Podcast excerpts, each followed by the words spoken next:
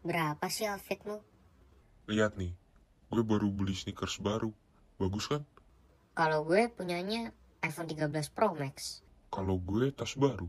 Kemarin baru aja dibeliin bokap gue. Teens, sering gak sih teman-teman lu pamer barang-barang branded seakan-akan mereka bertanya, berapa sih outfit lu? Gue punya ini, lo punya apa? Jangan keburu jengkel ya sama teman yang begini. Sebenarnya ada pertanyaan yang jauh lebih penting daripada sekedar berapa sih outfitmu? Pertanyaannya ialah, apakah ini yang dicari Allah atas diri kita? Apakah Allah hanya ingin melihat penampilan luaran kita berdasarkan apa yang kita pakai atau kita punya?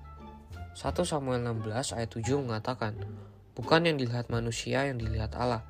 Manusia melihat apa yang di depan mata, tetapi Tuhan melihat hati. Pertama, Allah melihat hati kita. Hati kita perlulah mengasihi Allah. Kita perlu belajar berkata, Tuhan Yesus, aku mengasihimu. Semakin berseru demikian, hati kita semakin terarah kepada Allah. Kedua, Allah menginginkan kita, orang-orang muda, untuk dipenuhi dengan firman-Nya seperti yang dikatakan dalam Kolose 3 ayat 16. Hendaklah perkataan Kristus tinggal dengan limpahnya di dalam kamu. Berapa banyak firman Tuhan tinggal dalam mutins? Kita perlu belajar hari demi hari membaca Alkitab. So, apakah yang dicari Allah atas diri kita? Yaitu hati kita dan firman-Nya tinggal di dalam kita.